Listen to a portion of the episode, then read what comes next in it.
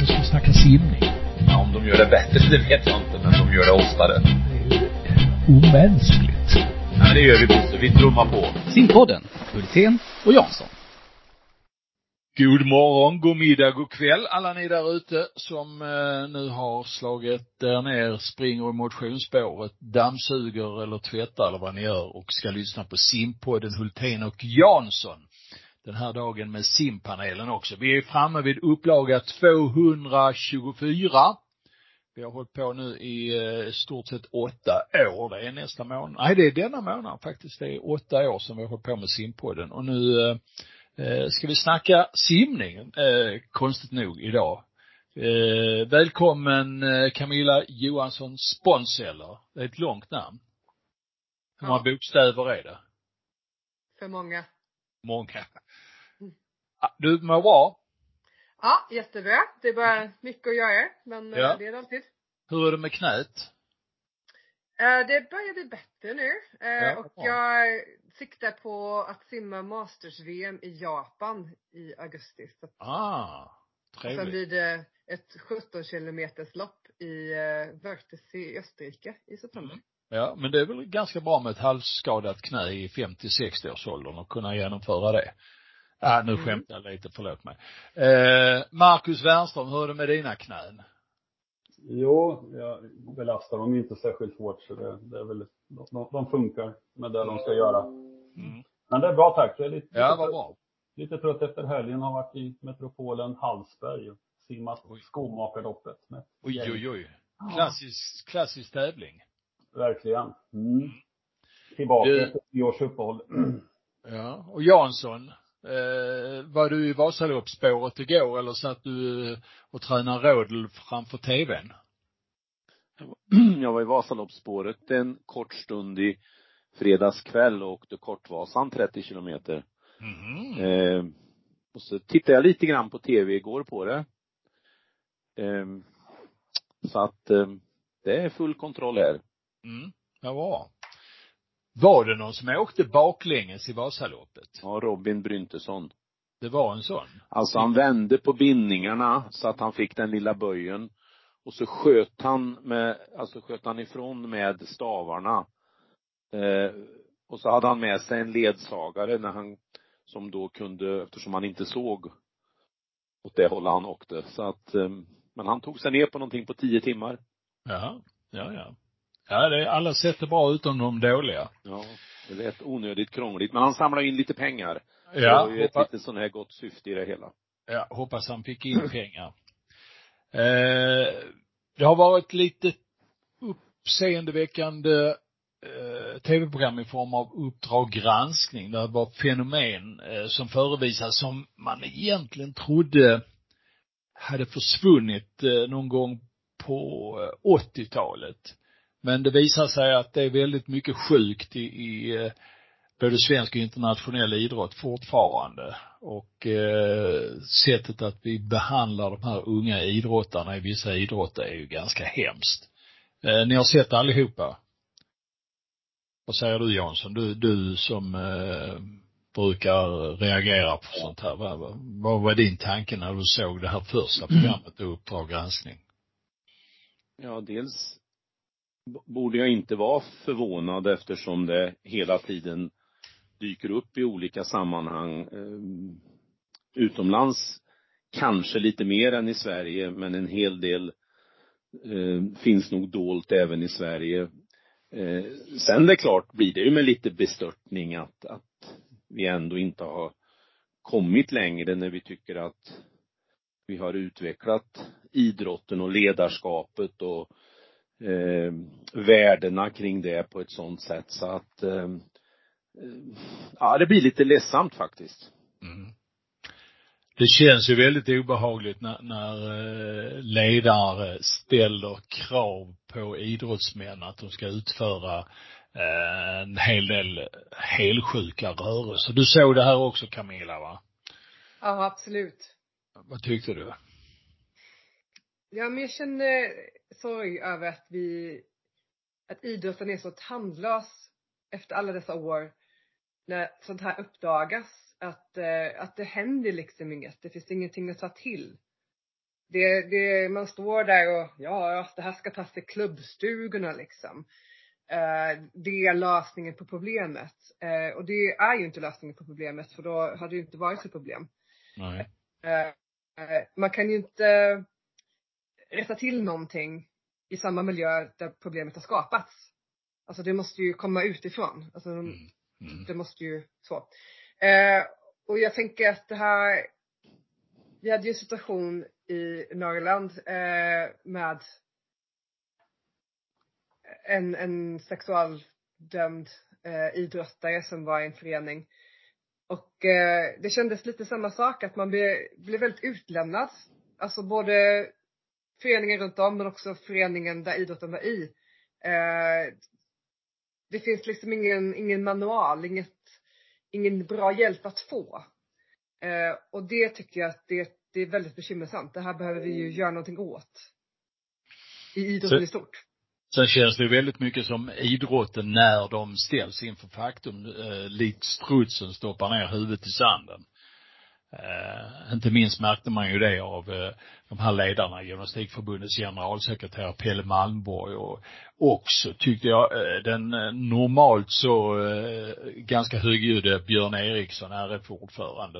Eh, deras svar, deras framträdande i de här Uppdrag granskning-programmen kändes ju väldigt veka och långt borta från en verklighet. Vad säger du Camilla? Nej, jag håller absolut med. Och det, det är lite grann det jag menar med den här tandlösheten. Att eh, det är som att det här är hela, är nyheter liksom. Fast det har ju pågått jättelänge. I Mm. massa olika sammanhang. Att man inte har bättre lösningar. Det är ju en, det är en skandal, tycker jag.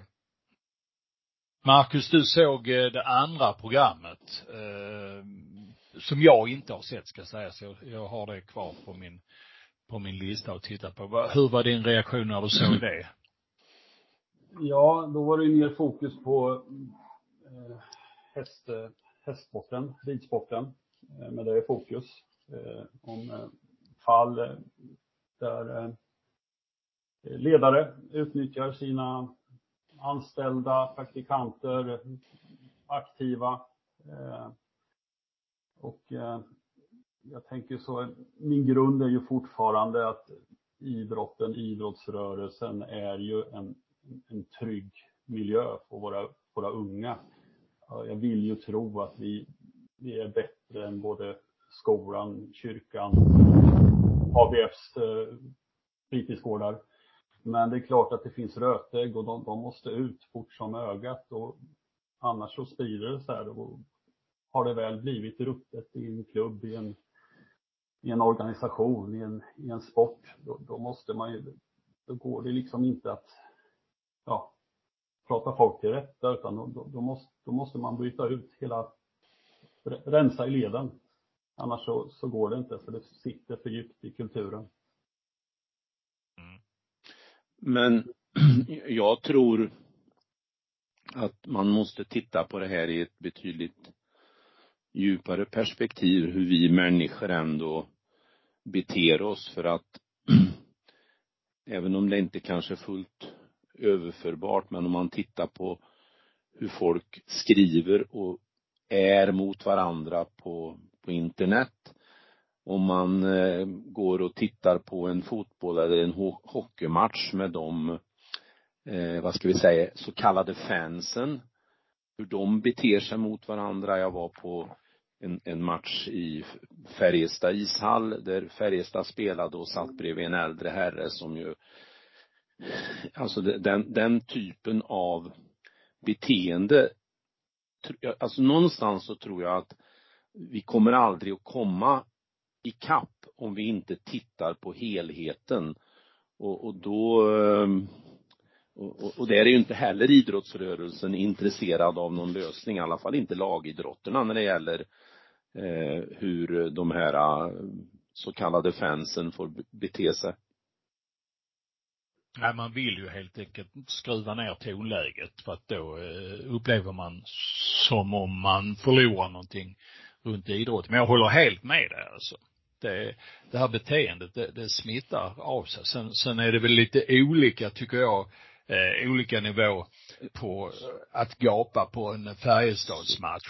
Eh, och, och sexuellt antasta en flicka ja. i ridstallet va. Mm. Där är det två helt olika som jag ser det. Men det är ju sättet naturligtvis att förhålla sig till sin medmänniska.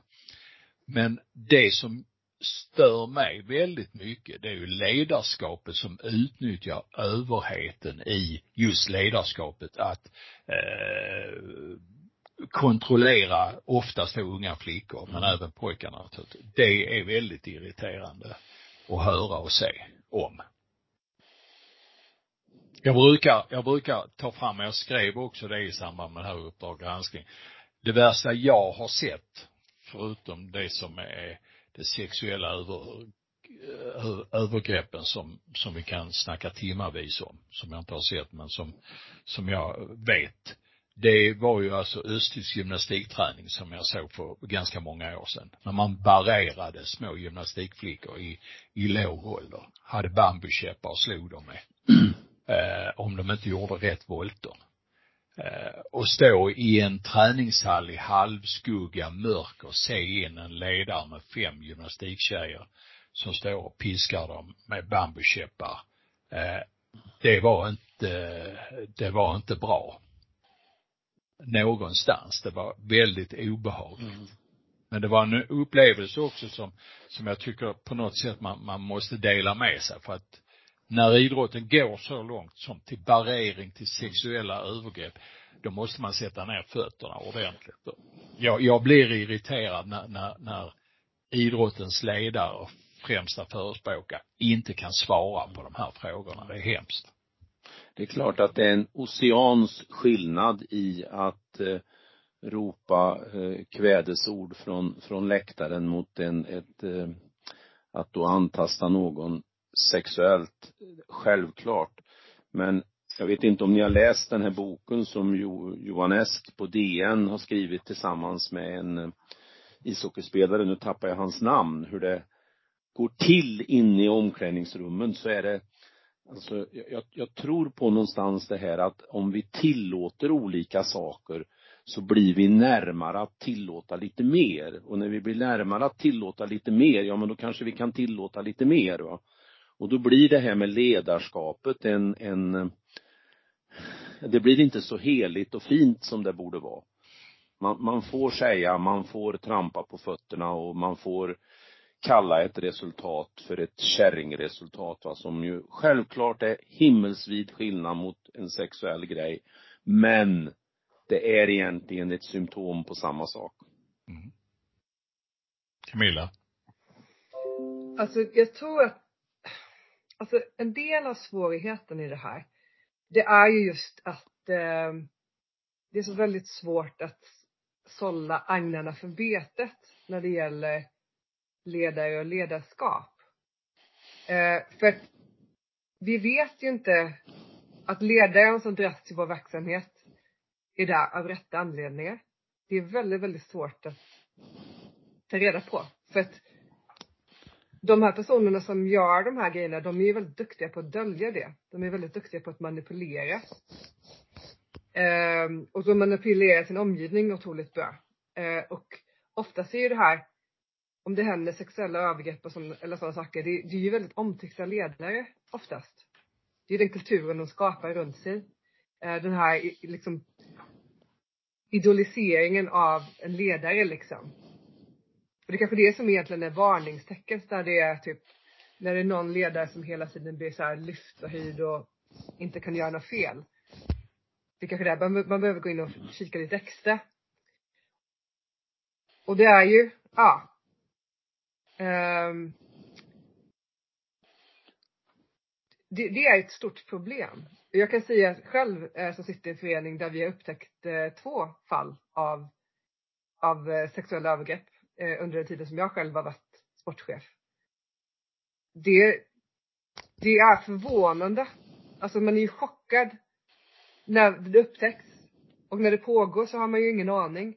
Men när man ser tillbaka på det så ser man att tecknen har funnits där. Det här är jätte, jättesvårt och jättetufft. Och det är någonting som vi behöver bli bättre på. Inte bara vår förening, men jag tänker alla föreningar behöver ju bli bättre på det här. Och så behöver ju man också ha ett bättre sätt att rapportera det här. Att lyfta frågan. Att göra det säkrare för ungdomar. Får jag be Thomas bara dra ner micken lite? Så slipper vi höra ditt ljud där hela tiden. Så ja. Vad säger du Thomas? Nej men det, det, det blir ju än mer komplicerat men en intressant fundering här som, som Camilla har att det, att man också måste tänka på att granska de, de väldigt populära för där, där finns en risk att det gömmer sig något va? och då, då det, man vill ju egentligen börja i andra änden Eh, det dåliga beteendet och, och så vidare som man ser då. Eh, så att nej, trickigt men en, med tanke på att SVT på ett så fint sätt lyfter det här så får vi väl hoppas att alla vi som är på olika sätt inblandade är ännu mer vaksamma, ännu mer försöker och uh, mota Olle i grind när så är möjligt. Mm. Och också se till att uh, vara transparenta i sammanhanget. Så att Olle inte får stå där i grinden. Någonstans. Ja. Ska vi snacka lite simning då? Eh, collegemästerskap i eh, USA just nu. Helgen har vi sett eh, två av de bättre svenska simmarna, Robin Hansson och Björn Seliger simma. Seliger var lite småkrasslig när han inledde mästerskapen i Pac-12. Eh, men eh, avslutade på ett charmant sätt. Jag vet inte om ni såg hans 100 yards spritt eh, igår eller förrgår var det. Mm det såg rätt så imponerande ut tycker jag. Eller vad säger du Mackan? Jo, eh, jag såg klippet du delade på, på simma. Som sagt var jag har inte följt någonting i helgen. Jag var, var i Hallsberg och såg simning på, på en annan nivå. Eh, men den här simningen han visar upp i den här hundringen, den, eh, ja, det, det lovar gott. Jag hoppas han kan ta med sig den ut i, i 50 meters bassäng. Då kan det bli kul på riktigt. Mm. En av motståndarna där var ju kortbanevärldsmästaren på 50 frisim. Eh, Jordan Crock. Och det, jag menar, det är hyfsat motstånd. Det är imponerande. Men de är duktiga där i den eh, regionen. Arizona är inte helt eh, tappade bakom eh, flötet, eller hur Camilla? Nej, det är ju verkligen med glädje som jag ser på de här mästerskapen i och med att det är min gamla alma mater, alltså min gamla skola, eh, Arizona State University, som det går så himla bra för. De tog hem sin första eh, Pac-12, eh, Pac-12 title någonsin i programmets historia och eh, de ligger ju otroligt bra till för att kunna ta hem eh, hela College Nationals när NCAA går om någon månad. Mm. Eh, de, fantastiskt, fantastiskt med vad, vad, vad, beror, vad beror detta på? Men det är ju, Bob Bowman började där för typ åtta år sedan och började bygga upp programmet. Och han har ju lockat till sig dels en otroligt bra tränarstab, men också otroligt duktiga simmare. Han har ju ett eh, proffsstall också som, eh, som är och tränar där tillsammans med college-simmarna. Eh, bland annat Reagan Smith som också var väg samma helg och eh, tävlade och gjorde fantastiskt bra resultat ifrån sig på någon GP-tävling i USA. Um, så han har massa olympier och olympiska medaljörer som håller på och simmar. Så det skapar ju självklart en jättefin eh, miljö. Och hans namn har ju väldigt stor dragningskraft i och med eh, Michael Phelps som han fick fram. Mm. Eh, så, och, och, det här är ju en fantastisk framgång med tanke på att programmet 2008 blev ju eh, borttaget. Alltså men's swimming blir ju så här cancelled. Eh, I Arizona ja. Ja, precis. Och eh, det var ju Alumnis då som eh, gick ihop och, och lyckades rädda programmet tillbaka. Och sen har det ju varit en, en kamp då tillbaka och nu, nu har ju programmet aldrig varit bättre. Så det är häftigt att se. Mm, mm. Om vi tittar på Seliger och Hansson, vad, vad, vad säger ni om dem? Jag skulle vilja börja med att eh, minnas tillbaka eh, Seligers Eh, sista hundringen frisim var det väl i augusti förra året på EM där han gjorde 48 och och låga så det känns ju på ett vis känns det lite tryggt att, att även om han kommer än mer till sin rätt i en 25 meters eller 25 yards bassäng så tror jag att han är eh, vuxen och klar för att eh, ta upp kampen med de allra bästa även i lång bana på 100 frisim så det är med jättespänning som jag ser fram emot det. Eh, när det gäller Robin så hade ju han ett litet, vad ska vi säga, ja, in, inte ett framgångsrikt år som var. Det var en, en ganska blek Robin vi fick se i lite olika sammanhang, eh, långt ifrån det som var för ett par år sedan. Så där hoppas man ju att han eh, har passerat den lilla svackan och eh, kan börja sätta personliga rekord igen och det är ju spännande nu, jag menar NCAA damers final kommer ju inom eh, en inte alltför lång framtid och sen strax därefter kommer herrarnas och sen har vi Swim Open här hemma.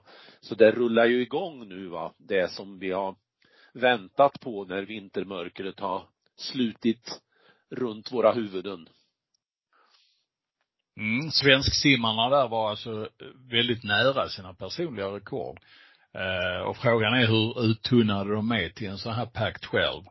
Eh, om de har mer att plocka till NC21 men eh, eh, både Robin på 200 frisim då ska sägas, eller 200 yards fritt, eh, och eh, Eh, Björn på 100 eh, var ju väldigt tajt in på sina personliga rekord så att eh, visst borde det kunna bli lite bättre.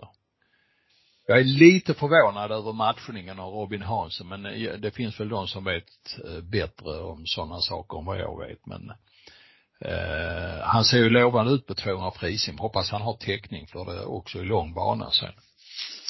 Mm. Har vi något mer att säga om college-simningen? Ja, William Lulek gjorde väldigt bra eh, 400 medley. 400 medley ja. Mm. Som ju bara var strax över sitt pers. Mm.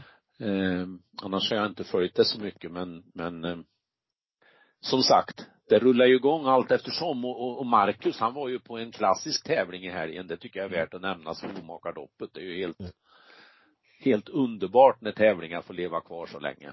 Mm. Om vi tar ner då eh, simningen från Eh, Eh, Pac-12 med all den hysteri och, och världsklass som finns. Och så landar vi i Hallsberg och skomakardoppet. Hur, hur varmt är det inne i Hallsbergs simhall när man kör skomakardoppet?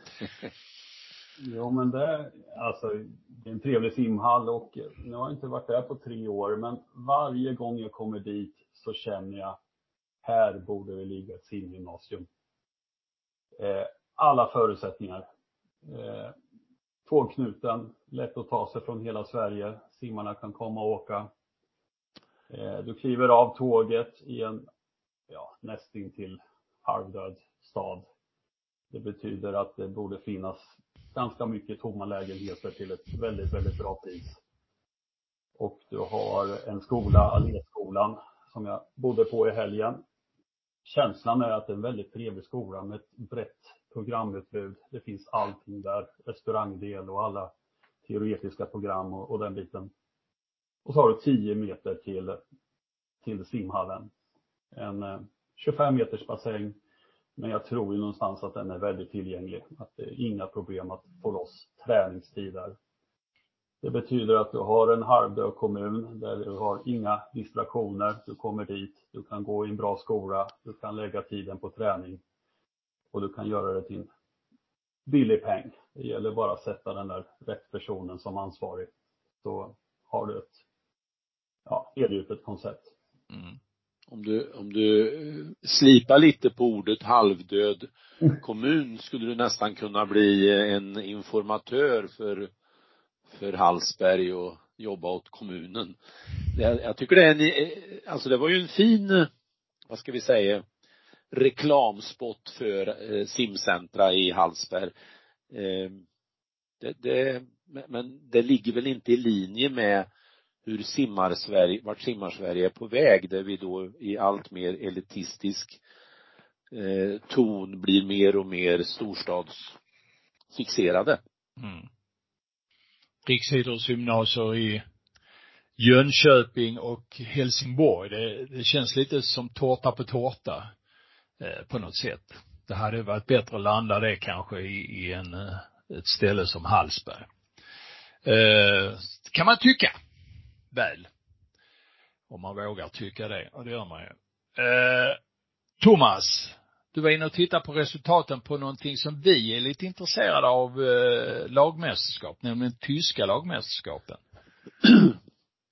Ja, det är ingen tvekan om att eh, eh jag och många med mig saknar ett riktigt sånt lagmästerskap med all respekt för hur trevligt det är på SM när man räknar samman lagpoäng i samband med, med de svenska mästerskapen i individuellt och lagkapper.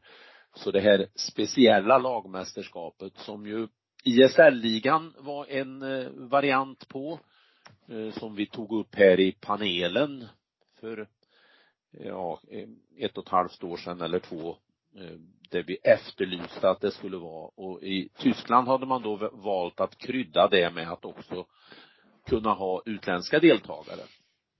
Så det, det jag tycker är ju, det är en, det är en inspiration och en tanke att eh, spinna vidare på och hoppas nu att den här nya eh, säsongsplaneringen som växer fram också kommer att innehålla någon form av lagmästerskap.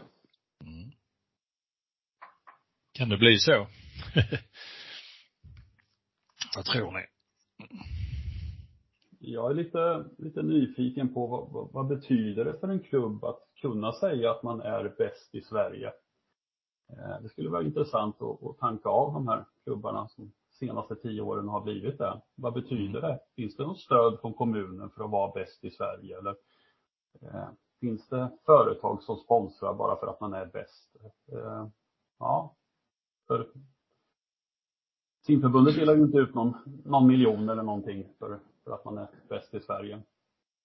Eh, det är jag lite nyfiken på. Hur viktigt mm. är det att kalla sig mm. bäst i Sverige? Mm. Det kan vi få lite input av eh, folk runt omkring om de eh, vill höra av sig. Har, har det betytt någonting för klubbar som eh, Jönköping, Neptun, Helsingborg att man har varit bäst i stan eller bäst i landet ska jag säga. Bäst i stan behöver man ju inte ha varit kanske men eh, får gärna skriva någon rad till oss. Simma får vi se om det finns, kommer något inspel. Jag, jag tror att på marginalen tror jag det ändå spelar lite roll i de diskussioner man har och så vidare, att man kan påvisa det finns det på skrift. Men jag tror det är först när det blir i form av, alltså någon form av seriesystem när, när liksom det, det upprepas och kopplas till en tävling likt det då är i, i lagidrotter och så vidare. Det är först då jag tror det får en stor påverkan på en kommun. Mm. Så kan det vara. Mm. Låt oss eh, hoppa över till nästa eh, ämne. Och eh, då ska vi snacka simanläggningar. Marcus, du har följt det här lite med simanläggningar. Det har ju lagts fram en anläggningsutredning eh, designad av, eh, om jag förstår rätt, Johan Sundqvist. Eh, den förre Jönköpingssimmaren som håller till eh, långt upp i, i Norrland. Den eh, eh, anläggningsutredningen, vad gick den ut på? Kan du berätta om det? Oj, det var, det var väl en enkätundersökning eh, som gick ut i klubbarna och som vanligt när man skickar ut någonting så jag vet inte hur, hur svarsfrekvensen var men den var väl låg gissar jag. Kanske Thomas har koll på det. Jag tror de hade runt 50 stycken svar. 50 stycken svar. Och eh, det resulterar ju i, i fina cirkeldiagram och eh, essensen som jag plockar ut är ju, det har vi ju varit inne redan på i den här podden, var att eh, de största utmaningarna, det har man i storstäderna. Eh, där står simmarna på kö och de får kanske inte tillräckligt med bassängtid. Medans eh, vår verksamhet sakta men säkert dör ut ute på vischan. Och, eh, eh, och det syns väldigt tydligt. Man tittar över bara tävlingar den här första delen av det här året. Hur, vilket tryck man har i Stockholm till exempel på de tävlingarna som har varit. och där ekonomin knappt går ihop på, på mindre tävlingar. Vi hade till exempel här i, i Motala så arrangerade vi UGP eh, sista helgen i januari. Vi landade på knappt 800 starter och att jämföras med 1400 som vi hade då 2020. Vi hann ju precis att genomföra den tävlingen innan eh, pandemin kom. Eh, och eh, så ser det nog tyvärr ut i många, många distrikt. Mm. Medan det är tryck i Stockholm till exempel. Men frågan är om det är de bästa utvecklingsmiljöerna. Får man tillräckligt mycket med, med vattentid i, i storstäderna? Camilla, du kommer från en storstad som Umeå numera är. Ja, vi är ju lite större. Eh, om man kollar i vårt distrikt eh, i Norrland, simförbund, eh, så är ju Umeå SS är ju klart den största föreningen. Vi har ju 2 500 medlemmar eh, och vi är ju mycket, mycket större än näst största klubb. Eh, och vi ser ju det här i så här real time, vad ska jag säga, den här utdöden av simning här runt omkring. Eh, för bara att typ de senaste tio åren så har det försvunnit säkert en fyra, fem klubbar i bara från närområdet här i Umeå. Eh, de här små klubbarna dör ut. Ja. Ja, vad, vad är då orsaken till att de dör ut? Om du går in och bara tittar just på dem. Eh, I många fall så har det varit så att den eh, dels är det att eh, eldsjälarna slutar. Det är ju en jättestor grej. Det är att det ideella intresset, när det inte finns kvar, då, då finns det inte så mycket kvar för klubben. Eh, sen tror jag också speciellt här uppe i Norrland så har det varit att, eh, att många anläggningar har behövt att eh, renoveras. Eh, och när det här dragit ut på tiden så, ja, har ju föreningen hunnit dö under den tiden eh, som det tagit att liksom typ ta beslut att renovera, stänga ner simhall och sen så komma igång när det har renoverats upp igen. Eh, jättebra exempel är Lycksele som har fått en jättefin ny, eller ny, ny, nyrenoverad 25 meters bassäng där man tidigare hade en väldigt välmående simförening som är, är helt bortblåst nu. Eh, Vindeln som är typ fem mil från Umeå eh, håller på att renovera sin simhall. Eh, där dog ju föreningen ut för, ja det var ett par år sedan. Så att det finns liksom ingen, inte ens en motpart när de ska renovera. Så att de här renoveringarna görs inte alls i åtanke på, på sim eh, verksamhet utan det blir ju mer bad och skolsim som man tänker på då. Och då blir det inte anpassat längre och då, då är, liksom, är det ju kört liksom. Då, ja, för att de här, när anläggningen är väl gjord så, så är det ju så här i decennium framåt. Eh, så att det ser vi jättetydligt. Eh, om till exempel det som eh, Marcus pratade om, Sumsim region här uppe i Norrland. Eh, vi arrangerade det i år, eh, i november. Och vi hade 650 starter.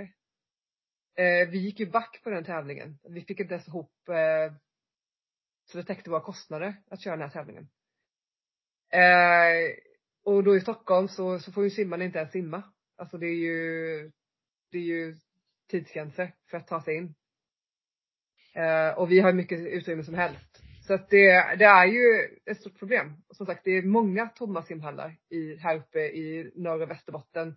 Där det skulle kunna finnas föreningar där det är helt tomt. Du eh, Thomas, på något sätt personifierar ju lite det här problemet kan man ju säga. Du, du har ju varit engagerad i en simklubb som har eh, om inte du hade funnits skulle jag vilja säga, hade dött ut. Eh, har jag rätt då? Eftersom ni blir av med ja, simhall. Det, det, det kanske är, är, lite för stora ord men, men eh, det är klart att eh, när jag flyttade tillbaka hem och gav lite, ett antal timmar i veckan till det här så blev det ju lite svårare för kommunen att bygga som de hade tänkt sig när de skulle bygga nya simhallen. Tveklöst är det ju på det viset. Men jag, jag, jag vill spinna vidare på det Camilla sa att det hon egentligen eh, bollade upp och beskrev, det kan man ju ta väldigt många distrikt att jämföra med och att det har blivit på det viset. Jag, jag sitter då i Värmland där det också har blivit på det viset som det är ju lätt att tro att kanske pandemin skulle ha varit den stora faktorn. Den har ju spelat roll på, på ett vis va, men, men det här utdöendet, det är ju en process som har pågått i Värmland i väldigt många år och i Dalarna och i Gästra, Gästrikland med flera, med flera. Men det är ju fler idrotter som drabbas av det här så det är ju också, i den här potten finns ju ett samhälls problem i form av att eh, orter minskar i befolkning, eh, andra idrotter som dör ut och så vidare och vi, vi efterlyser hela tiden det här som är, är större och häftigare. Vi har allt serverat på tv. Men även om man petar in det i den här potten så tycker jag att Svenska simförbundet gör för lite för det här problemet. Och tittar jag då specifikt på det, och det här blir ju en repeat på som har sagts, som jag har sagt så många gånger, den här eh, indelningen med stora regioner. Det var ett gigantiskt misstag. Det hade inte löst hela det här problemet. Men det hade varit fler människor som man kunde ha kommunicerat problemet med. Fler människor som hade varit engagerade ja. i simningen. Ja. Mm. Så att eh, det, det, är ledsamt att höra och se det ni beskriver ifrån då Östergötland och, och Norrland och, och att det finns fler ställen. Och sen är det ju glädjande förstås att de större orterna har det, den, den positiva sidan av, av deras problem. Att de har många ungdomar och är starka och är duktiga på alla sätt och vis va, men ändå får man inte fullt ut ge alla chansen. Eh, så att eh, ja, det är en knivig sak att lösa. Och det, det, ska ju sägas också att det är ju inte bara de här distrikten du snackar om. Vi, vi har ett distrikt som Skåne som är, är då näst störst i, i landet eh, som distrikt. Vi har ju samma, vi har också de här, ska vi kalla det glesbygdsproblemen här eh, på vissa ställen. För här är det ju också så att västsidan, eh, framförallt då är det tättbefolkat där det finns människor, där det finns simning och sen så börjar det växa igen i typ Kristianstad nu, men det finns ju stora vita fläckar här, klubbar som har försvunnit de senaste 20 åren. Camilla? Nej precis och det, det jag känner ibland när man eh, pratar med Svenska simförbundet och ser vad de gör för lösningar på saker och ting. Eh, det är det syns väldigt mycket, väldigt mycket att de är baserade i Stockholm. Och att de verkligen har typ Stockholmsklubbarnas perspektiv nära hjärtat. Eh, för att mycket av de här lösningarna och eh, det de satsar på, det syftar till att lösa liksom trånghet i simhallen och hur ska vi få fler simmare att eh, kunna få tävla, etc. etc. Men, eh, men väldigt lite fokuseras på att eh, faktiskt lösa problemen som är då när simningen är utdöende, när det inte ser ut så. Det är inte lika roligt att jobba med det kanske? Nej, Eller? det är ju svårare. Nej, det, men alltså, det är lite det, ja, Stockkoncentreringen idag inom simningen är ju, eh, skulle jag vilja säga, nästan värre än vad det var i slutet på 50-talet, början på 60-talet. Eh, då man eh, kallade det svenska Neptunförbundet när man snackade simning i Sverige. Idag är det nästan värre och det är, skulle jag vilja säga, jag ska inte använda starka ord i det här sammanhanget, men, men det finns eh, eh, chans att göra det bättre i framtiden om man tänker till. Och visst är det så, jag menar, det är bara att titta på vilka människor som är engagerade i simförbundet och hur långt utanför tullarna de befinner sig. Det är inte många. Det plockas in en och annan sån här eh, människa som, som ska vara alibi för att man gör en eh, en satsning i landet va. Ni, ni får ju känna sådana, ni bland annat. Men, men alltså generellt sett så är det ju så att eh, det är väldigt mycket Stockholm. Och det är för mycket Stockholm. Ja, och jag, jag tror så här att de här människorna som då är där uppe i Stockholm, det är ju det är ju kompetenta människor i sig, men de ser ju det de ser, de lever där de lever. Och då blir det svårare att lägga de andra perspektiven. Alltså om man samtidigt ser att oj, vi har kö, vi får inte, vi skulle behöva få in ytterligare 500 simmare i simklubben X i Stockholm till exempel. Då blir det lite överställt av eh, i, i vardagen helt enkelt. Så att eh, Fullt naturligt. Ja, ja visst. Ja, Ja. Men, men problemet blir ju inte mindre. Nej, absolut Nej. inte. Nu lämnar vi det. Hoppas vi har eh, dragit upp en och annan eh, sårskorpa där. Eh, så får vi se om någon vaknar. Chansen är inte så stor, men eh, trots allt kan det vara så. Ja. Eh, Mästarnas mästare startade igår. Eh, du, eh, Marcus, är ju kompis med Anders Holmers. Du har väl naturligtvis lyckats tanka honom på all information om eh, eh, hur det har gått sammanlagt här under eh, året, eller eh, är han som en mussla? Han är som en mussla, men jag har ju räknat ut vissa saker när han har varit borta och när han har kommit hem och sådana saker. Så jag, jag har mina aningar hur det här har gått. Mm. Mm. Okej, då kan vi kanske inte ska sprida det.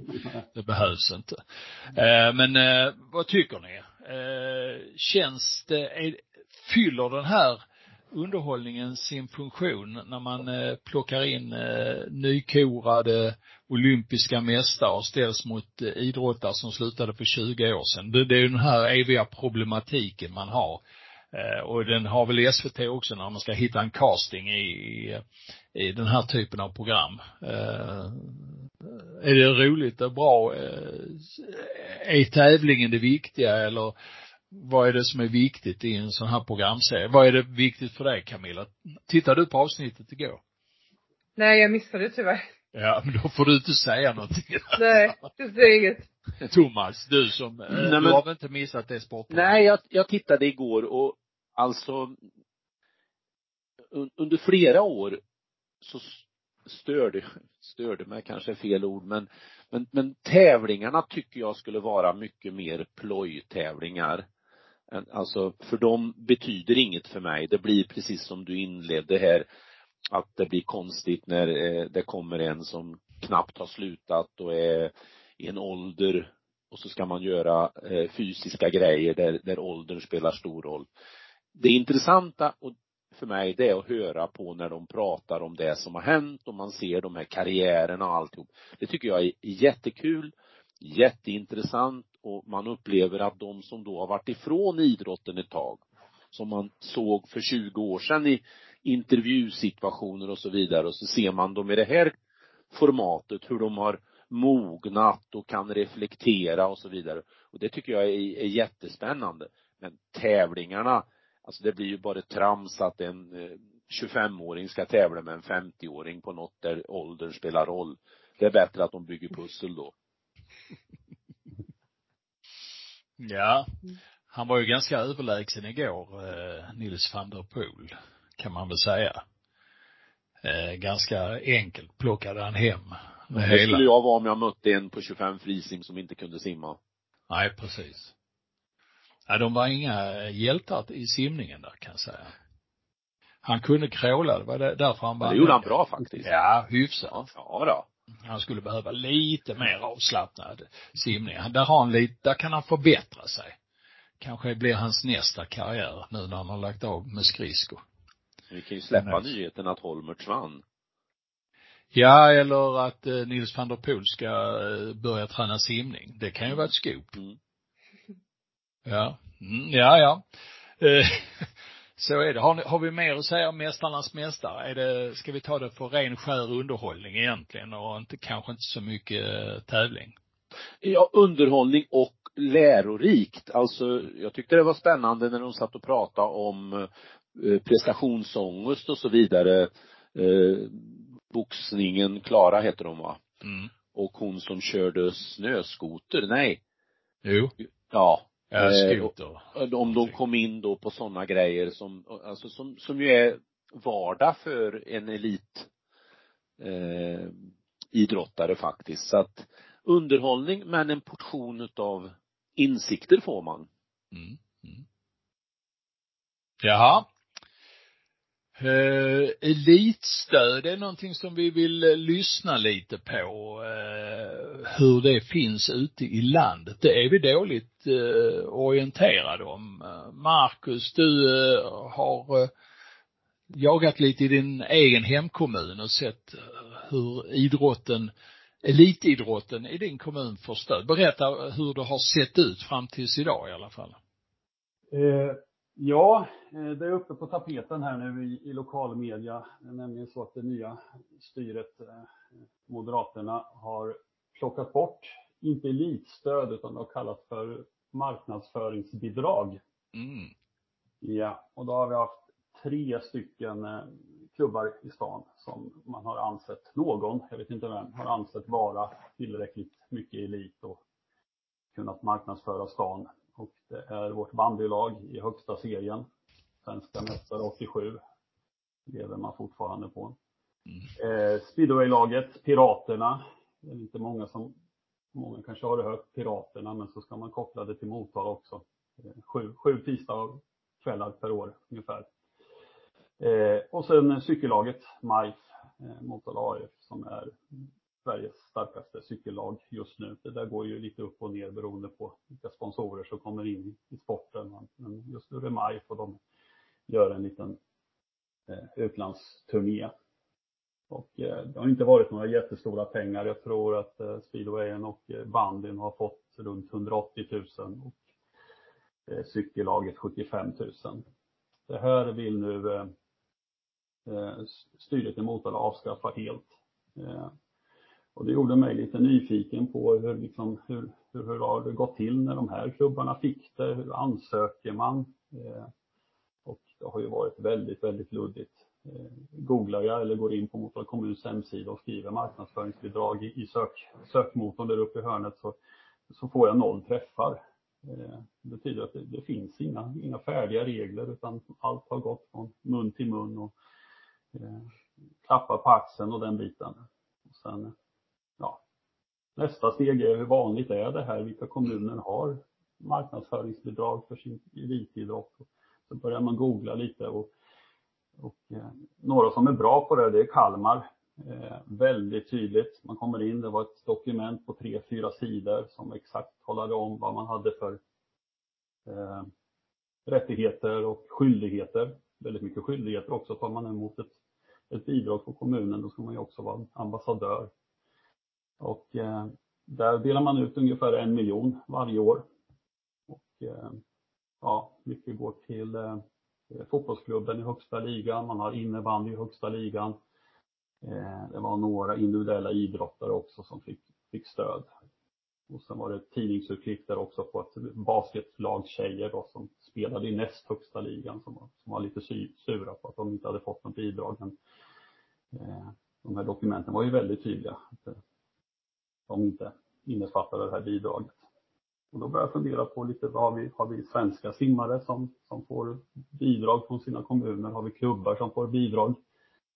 Eh, jag har inte hört debatten inom svensk simning där, hur det ligger till. Hur ser det ut i Umeå? Jag vet faktiskt inte. Uh, det här är ingenting som jag har hört talas om att vi skulle ha, men vi har ju väldigt mycket elitlag, så jag kan tänka mig att det skulle finnas något sånt. De lägger mycket tid på så här idrottsgalor och sånt här i Umeå. Mm. Och då kan man ju få bidrag om man blir liksom utsedd årets idrottare eller sådär. Då får du ju pengar för det. Okej. Okay. Mm. Ja, vi får väl eh, lyssna med vårt öra mot marken och se om eh, det finns sånt här i landet. Det kan väl vara intressant om någon kan hjälpa oss med det. Jag har en, eh, en liten enkel teori vad man ska se till eh, i de, framförallt framförallt i de mindre kommunerna att man ska verkligen se till att ha bra kontakter in i kommunen. Alltså att, att vara på pratavstånd med de högsta befälen. För jag tror att det i många kommuner går att hitta lösningar som inte är direkt och regelmässigt styrda. Utan de är kopplade till en förening, har speciella behov och så vidare. Och tittar jag på lilla Filipstad här så kan man tydligt se en koppling mellan att de föreningar som har varit offensiva i media, offensiva mot eh, i olika sammanhang och, och ständigt försökt att haft en, en dialog med kommunens företrädare. De har också fått igenom allt ifrån en innebandyhall till eh, konstfrusen bana, simanläggningen som nu byggs eh, istället för fyra banor så blir det sex banor etc. Eh, det är nog, tror jag, det, det absolut viktigaste. Vi måste vara jättenära kommunens styrande. Mm.